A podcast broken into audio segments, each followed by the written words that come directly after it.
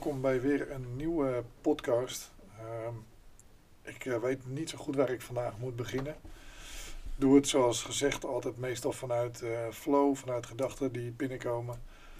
Ik heb een aantal dingen voor mezelf opgeschreven wat mij de laatste tijd heeft bezig gehouden. En ehm, dan zou je daar een beetje op voort moeten borduren. Ehm, ik heb op social media eventjes eh, een kleine break ingelast voor wat betreft ik deel en zo. Ik denk dat mensen zelf genoeg informatie kunnen vinden. Ik zie nog veel voorbij komen wat ik zou willen delen. Maar ja, voor wie deel ik het? En eh, bij wie komt het terecht? Uh, en de mensen die het niet willen horen, die kijken het toch niet of die lezen het toch niet. Dus dat is jammer. Zo had ik vandaag bijvoorbeeld een mooi voorbeeldje dat, ehm, en dat is niet zomaar ergens bij Reuters uh, werd een bericht geplaatst dat in Frankrijk uh, het niet meer toegestaan is om zometeen met Moderna in te spuiten. Waarvan er dus heel veel mensen zijn die dat hebben gehad, ook in Nederland. Omdat er nu dus blijkt dat uh, er een zeer grote verhoogde kans is, uit laatste studies blijkt dat, op hartproblemen zoals hartritmestoornissen, ontsteking van de hartspier.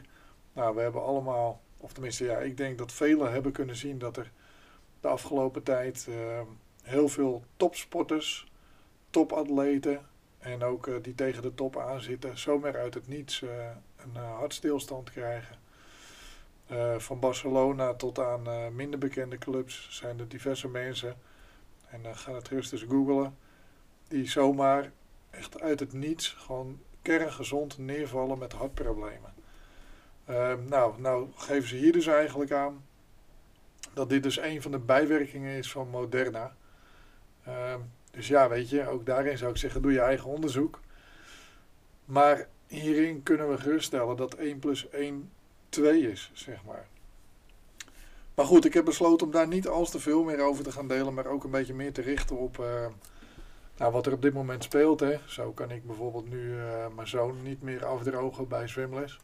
Ben ik de afgelopen dagen enorm mee, uh, mee bezig, omdat enigszins toch voor elkaar proberen te krijgen. Dat gaat niet makkelijk. Daarbij komt bij mij het woord empathie. En het woord moreel kompas komt heel vaak voorbij. En dat heb ik de laatste tijd sowieso wel wat vaker. Dus, dus empathie en een uh, moreel kompas. Daar zou ik eigenlijk wat meer op in willen gaan. Nou, ik denk als we eens even heel strikt gaan kijken naar wat is een moreel kompas. Nou, de definitie van een moreel kompas is een intern kompas dat zich richt op het juiste. Maar wat is het juiste dan en voor wie dan? Met het doen van het juiste kunnen we ons eigen handelen afstemmen op dat van anderen en dus bij onze eigen overtuiging en ons eigen gevoel van rechtvaardigheid blijven. Nou ja, wat is rechtvaardigheid? Wat is onze eigen overtuiging en gevoel daarbij? Uh, ik denk dat we daarin op dit moment heel erg beïnvloed worden door social media aan beide kanten. Dus zowel uh, de mensen die uh, zich niet helemaal kunnen vinden in deze coronamaatregelen of die zich niet willen laten vaccineren, maar de andere kant ook. De media bepaalt eigenlijk ons moreel kompas, zo zou je het bijna kunnen stellen. Ehm, daarnaast denk ik ook dat empathie een heel belangrijk is. wat is de definitie van empathie? Empathie is het vermogen van iemand om zich in de gedachten- en belevingswereld van anderen te kunnen inleven. Iemand die over veel empathie beschikt, wordt empathisch genoemd. Hij of zij is invoelend en begrijpend en kan zich verplaatsen in de situatie van de ander. Nou, als ik die twee dingen neem, kijk ik gewoon even naar het moreel kompas. En uh, noem ik bijvoorbeeld even een voorbeeld: Facebook. Nou, we zouden allemaal verwachten dat iedereen een soort van moreel kompas heeft. Nou, nou blijkt dus al vele jaren dat Facebook totaal geen moreel kompas heeft. Want die gaan hier pas mee aan de slag op het moment dat ze erop worden aangesproken. Het maakt niet zoveel uit aan welke kant uh, van de medaille je staat. Het is algemeen bekend dat hun de gegevens die op, uh, op hun forum staan beïnvloeden, zodat ze meer interactie met uh, hun kijkers en gebruikers krijgen. Dus hun bepalen wat jij veel te zien krijgt. Nou, laat dat eventjes uh, landen. Dat betekent dus, dus dat hun invloed hebben op hoe jij denkt als je er veel op kijkt. Nou, als je dan ook nog eens niet over een moreel kompas beschikt, dan kom je in een hele gevaarlijke situatie terecht. Wat natuurlijk de mensen die, uh, mensen die anders denken over het coronabeleid heel erg verwijten, is dat ze complotwappies zijn en uh, dat ze zich laten beïnvloeden. En dat ze alleen maar bepaalde informatie krijgen. En hoe meer ze daarop klikken, hoe meer ze te zien krijgen. Maar dan kom ik eventjes op het stukje je verplaatsen in de ander. Empathie en dan weer kijken naar jezelf, spiegelen. Zou het zo kunnen zijn dat dat aan de andere kant ook zo is? Dus als jij gelooft in vaccineren en je wilt erin blijven geloven dat het vaccin, vaccin werkt, um, zou het dan kunnen zijn dat als je daar veel naar kijkt en die dingen lijkt, dat je daar meer en meer en meer van krijgt? Ik denk dat we daar allemaal wel het antwoord op weten. Dus eigenlijk wordt daarmee die samenleving verder en verder en verder en verder uit elkaar getrokken. Dus we komen alleen maar verder van elkaar af te staan. We kunnen ons totaal niet meer verplaatsen in de ander. En ik merk, ik merk dat ook bij mezelf. Ik merk dat, uh, dat je op een gegeven moment gaat denken van waarom zien mensen dat dan niet? En waarom, waarom luisteren ze daar nou niet naar? En waarom willen ze dit niet lezen? Nou, dan ben ik dus, dus goed naar mezelf gaan kijken van joh, kan ik me, kan ik me verplaatsen in een ander? Nou ja, ik kan me wel verplaatsen in een ander, want uh, ik heb natuurlijk ook gewoon vrienden en mensen om mij heen die wel gevaccineerd zijn. En ik kan me er ook in verplaatsen dat hun dit gedaan hebben, ook met de informatie die je te horen krijgt. En als je hoort wat de beweegredenen voor diegene zijn, zijn dat ook louter voor hun positieve redenen om dit te doen. Om uh, een ander te helpen, om uh, uh, mee je steentje bij te dragen aan de oplossing. zo zijn er tal van redenen te bedenken waarom mensen zich zouden laten vaccineren. Ehm, met de informatie die je op dat moment hebt.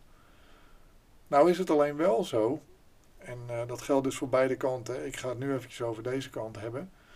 Uh, nou, laat ik beginnen eens met de kant van uh, de ongevaccineerden. Ook daarin is heel veel uh, fake nieuws. Ehm, is het belangrijk dat je goed blijft opletten, dat je komt met feiten, dat je ook je onderzoek doet. Dat is niet makkelijk, want ja, we zouden van de media verwachten dat die hun onderzoek doen. Maar dat doen ze niet. Dus je zult je eigen onderzoek moeten doen. Ga kijken. Um, is het een gedegen website? Uh, zit er een gedegen onderzoek ergens achter? Hoeveel mensen zijn er bij dat onderzoek betrokken geweest? Um, ja, daarmee wil ik ook vaak zeggen van joh, ik roep ook heel vaak niet zomaar wat. Ik heb dat dan wel goed uitgezocht. Ik heb wel gekeken van joh, is er een, uh, een onderzoek wat, uh, wat deze feiten zeg maar bevestigt? Dan is dit dan een onderzoek onder 100 mensen, 200 mensen, 800 mensen, 1000 mensen of misschien wel 30.000 mensen. Nou, hoe groter zo'n onderzoek is en als dat ook nog een gedegen bedrijf is, uh, des te meer je iets feitelijk kunt onderbouwen. Wat mij verbaast is dat heel veel mensen uh, puur kijken naar koppen van dingen en niet gaan uitzoeken of het waar is. Uh, en dat geldt eigenlijk voor beide kanten. Dus ja, ik zou daarin alleen maar willen adviseren: zorg dat je goed onderzoek doet. En uh, dat je dus, dus je eigen onderzoek doet. Want een moreel kompas is iets wat je zelf moet vormgeven op basis van jouw overtuigingen en jouw gevoel van rechtvaardigheid. Dat is de definitie. Dus laat je niet zomaar wat vertellen. Uh, ga niet mee in de menigte, maar ga voelen. Ga voelen wat jij voelt. Um, heel veel mensen kunnen niet meer, uh, niet meer voelen, echt voelen van joh, voel ik me hier goed bij of voel ik me hier niet goed bij. Die hebben daar dan wel eerst allerlei informatie voor nodig. Maar we moeten niet vergeten dat wij als mens eigenlijk prima in staat zijn om te voelen of iets klopt of niet. Nou ja, dan komen we even bij de feiten. Um, ja, ik kan alleen maar onderbouwen waarom ik denk dat bepaalde dingen uh, zo zijn zoals ze zijn en waarom ik ze zo interpreteer. Ik hoop daarmee dat mensen dan hun eigen onderzoek gaan doen en daar dan hun eigen mening over gaan baseren. Um, maar er wordt al lange tijd geroepen vanuit de meer kritische kant dat uh, de vaccins nog niet goed getest zijn, dat ze eigenlijk pas in 2023 goedgekeurd zouden worden. Um, en dat er heel veel meldingen zijn, en daar heb ik natuurlijk al een eerdere podcast aan gewijd. Die kan je even terugluisteren, mocht je die nog niet geluisterd hebben. Uh, zomaar wat vragen en feiten, daar heb ik twee podcasts over gemaakt. Heb je nog niet geluisterd, luister ze dan even terug. Ehm, maar ja, dat zijn wel gewoon feiten, zeg maar. Hè? Ehm, zo is het bijvoorbeeld uh, al meermaals beweerd dat het uh, gevaarlijk is voor de hartspier, zeker bij jonge, zeer gezonde atletische mensen die topsportbedrijven, dus wat meer hun hart tot het uiterste drijven, maar ook bij mensen die al bekende hartproblemen hebben. Nou, nu blijkt dus, en dit staat vandaag gewoon, je kunt het te googlen, bij Reuters.nl, dat is een heel bekend persbureau. Dat is dat in Frankrijk Moderna niet meer gegeven gaat worden, omdat dit een verhoogde risico levert op hartklachten. In het Engels myocarditis. En uh, dat is ontsteking van de hartspier, maar ook hartritmestoornissen vallen daaronder. Dus ja, dat is hele serieuze informatie. En dan vraag ik me af, waar is de media? Waar is de media die dit oppikt, die hier onderzoek naar gaat doen, die gaat zeggen van joh, uh, wat is dit? Uh, welke mensen zijn er allemaal met Moderna uh, gevaccineerd in Nederland? Waarom vaccineren wij er nog wel of niet mee? dat is zomaar een punt. Een andere punt is, oké, de complotwappies, complotgekkies of hoe je ze ook wilt noemen, die alleen maar foute informatie hebben en alleen maar doemdenkers zijn. Nou ja, enkele feiten die uh, inmiddels waarheid zijn geworden, uh, was bijvoorbeeld dat er een coronapaspoort zou komen. Nou, dat zou er nooit komen. Nou, inmiddels is dat er. Sterker nog, aankomende vrijdag wordt dat waarschijnlijk uitgebreid. Ook werd er gezegd dat mensen die niet gevaccineerd zijn zouden worden uitgesloten. Nou, dit was absoluut niet het geval. En we moesten deze mensen ook niet via een omweg gaan dwingen om het vaccin te nemen. Dat moest bij wet verboden worden, volgens meneer de Jonge. Maar inmiddels zijn we al zover. Want je komt als ongevaccineerde bijna nergens meer binnen. En dan kan je natuurlijk zeggen van ga even testen. Maar als je moet testen, dan ben je wel eventjes onderweg. En als jij gewoon ergens in de stad loopt, kan je niet meer zomaar een bakje koffie doen. Ten tweede, als jij niet mee wil doen aan deze overtuiging, dan ga je ook niet testen. Maar er zijn ook ouders die wel willen testen. En die moeten dus nu bijvoorbeeld, als hun kind op zwemles zit en ze willen dit kind omkleden, moeten ze dus voor elke keer dat ze zwemles hebben gaan testen om zo naar binnen te kunnen om hun eigen kind af te drogen. En dan komen er allerlei mensen met, ja, nee, in het, ziek, het ziekenhuis, in het zwembad is er ook iemand die je kind kan afdrogen. Of er zijn andere mensen hey, denk even na. Laat jij je eigen kind afdrogen door een ander? Met alles wat er in deze tijd bekend is? Nee, never, nooit, niet. Je wilt je eigen kind afdrogen, die voelt zich vertrouwd bij jou. Die moet al bijna alleen een zwembad in. Voor heel veel kinderen is het best uh, een ding als er iets verandert of wijzigt. Dat heeft allemaal te maken met vertrouwen. En dat vertrouwen van dat kind, dat moet je niet schaden. Daar komt dan bij en dit vind ik een heel belangrijk punt. En ik hoop dat, uh, dat er nog niet mensen zijn afgehaakt. Waar je ook staat in deze discussie, denk eventjes na over het volgende. Als jij ervan overtuigd bent dat dit een killervirus is en dat het super gevaarlijk is en uh, dat we hier allemaal voor op moeten passen, waarom gaan wij dan wachten tot de overheid ons vertelt dat wij weer anderhalve meter afstand moeten houden of dat wij weer een mondkapje moeten gaan dragen? En sterker nog, als ze dit vertellen, op dinsdag wachten we tot zaterdag met het gaan dragen van dit mondkapje. Als je er zo bang voor bent, waarom wachten wij daar dan zo lang mee? Nou, ik denk dat ik het antwoord daar al op weet, want niemand is echt bang voor dit virus.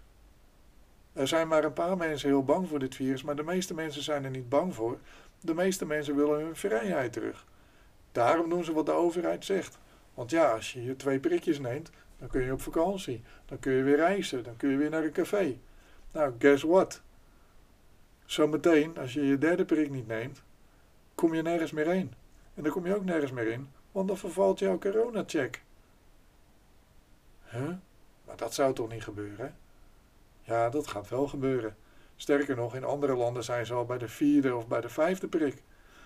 Dus als jij zo meteen nog ergens binnen wil, moet je je meermaals per jaar laten prikken met een vaccin wat eigenlijk nog niet eens door de testfase heen is. En de vraag is, hoe dodelijk en hoe gevaarlijk is dat virus? Want de meeste mensen zijn niet bang om het te krijgen, maar die gebruiken dit alleen omdat ze ergens naar binnen willen of dat ze weer ergens naartoe willen.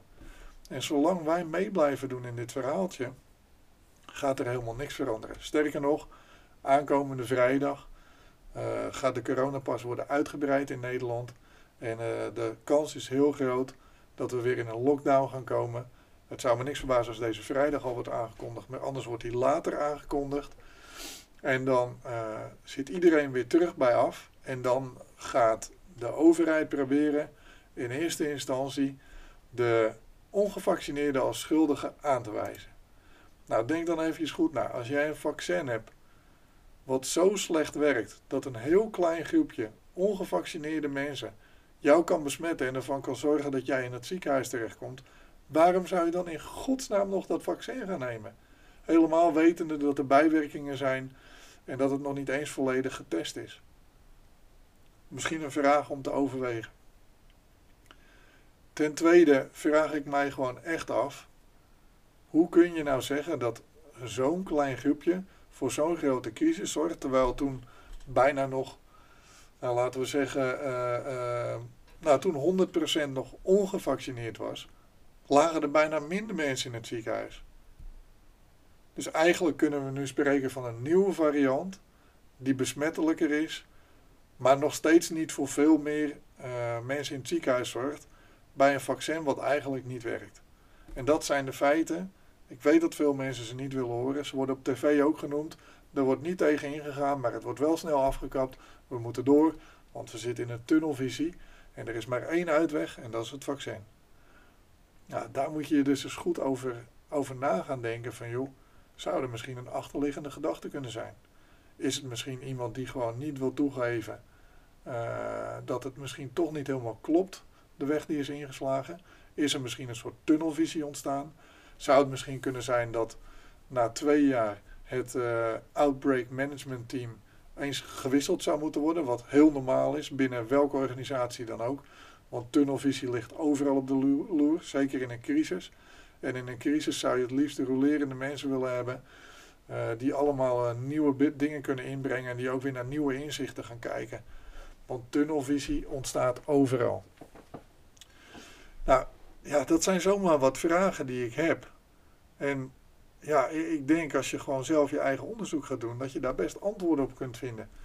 Nou, daarbij denk ik dus ook dat het stukje empathie, en ik haal, herhaal hem nog eventjes, empathie is het vermogen van iemand om zich in de gedachten- en belevingswereld van anderen te kunnen inleven.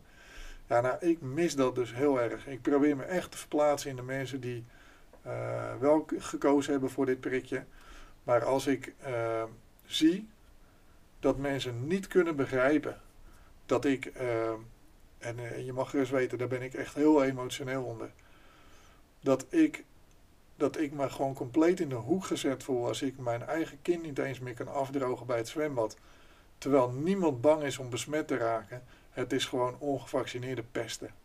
Dat is het. Proberen de vaccinatiegraad omhoog te krikken. En, en daar wil ik een beroep doen op je morele kompas. Ga voelen. Wat voel je hierbij? Denk eventjes na. Ben jij bang om besmet te raken door die ongevaccineerden? Laat hem dan een mondkapje op doen of zo. Of doe zelf een mondkapje op als je er bang voor bent. Was extra je handen. Laat die ongevaccineerden in een aparte kleedkamer. Ik vind dat belachelijk als het zou moeten. Maar laat ons ons eigen kind alsjeblieft afdrogen. En zo zijn er nog wel een aantal dingen te noemen. Want de meeste mensen die ik spreek, die gevaccineerd zijn, zitten voor 90% of meer exact op één lijn met de mensen die niet gevaccineerd zijn. Die willen gewoon uit deze onzin. Die willen niet op hun werk straks mensen gaan controleren op een corona-check-app. Die willen ook gewoon dat de regels overal hetzelfde zijn. Die willen ook gewoon dat hun mensen overal kunnen werken, waar dan ook, zonder erover na te denken. Die willen geen onderscheid maken tussen personeel. Maar het stopt pas als die werkgever, als jij, als ik, als wij zeggen: jongens, maar hier moeten we over praten, want dit kan niet. En ik verwacht niet dat iemand zijn baan opzegt. Ik verwacht niet uh, dat iemand uh, uh, nu in één keer op social media allerlei dingen gaat delen. Ehm, en dit heb ik niet van mezelf, maar ik heb gisteren een hele mooie toespraak gezien van Tisha Bourdieu. En die omschreef het zo mooi daar. Het gaat erom dat wij het gesprek met elkaar starten. Begin te praten met elkaar. Probeer je te verplaatsen in die ander. Ik vind dat iedereen recht heeft om zich te laten vaccineren en iedereen, geen, of iedereen ook een recht heeft om dat niet te doen. En ik vind dat die twee gelijk moeten blijven worden behandeld. Dus ze kunnen allebei gewoon een café in. Ze kunnen allebei gewoon vliegen. Ze kunnen allebei gewoon reizen. Ze kunnen allebei gewoon hun kind naar het zwembad brengen. Want jij neemt dat vaccin omdat je beschermd bent. Die ander hoeft dat vaccin niet te nemen, want die heeft daar een ander gevoel bij. En dan kan je wel zeggen, ja, maar als je in het ziekenhuis komt, ja, dan uh, belast je de zorg en dit en dat. Nou, daar heb ik gisteren ook nog een uitgebreid gesprek met iemand over gehad. En ja, daar ging het eigenlijk over. Het was een heel goed en uh, respectvol gesprek met elkaar. En die zei, ja, misschien moeten we op een gegeven moment de mensen van uh, eh, 70 plus met overgewicht en die niet zijn ingeënt en corona hebben geen voorrang meer geven bij, bij de IC's. Nou, ik zeg, joh, goede oplossing. Maar gaan we dan ook de mensen die hun leven lang al roken, drugs gebruiken, uh, niet goed voor zichzelf zorgen, weet ik veel wat ze allemaal doen, gaan we die dan ook eerst eventjes aan de kant zetten en de gezonde mensen alleen helpen die een prikje hebben gehad? Ja, nee, nee, maar dat kan eigenlijk ook niet. Nee, daar heb je ook gelijk in. En zo komen we dan toch weer tot een compromis dat eigenlijk gewoon iedereen geholpen moet worden.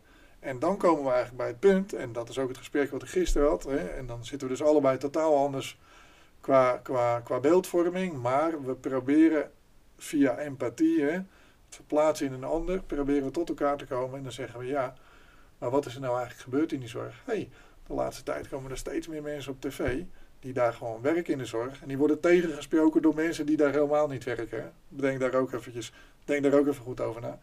En die zeggen, wij hebben eigenlijk geen coronacrisis, maar een zorginfarct. En dit speelt al jaren. Sterker nog, in de afgelopen twee jaar zijn de ziekenhuisbedden nog steeds afgenomen. Tegen ziekenhuisdirecteuren wordt letterlijk gezegd: jullie mogen niet groeien. Er wordt niet opgeschaald. En we steken miljoenen in een controlesysteem van een corona-check-app voor een vaccin dat niet werkt.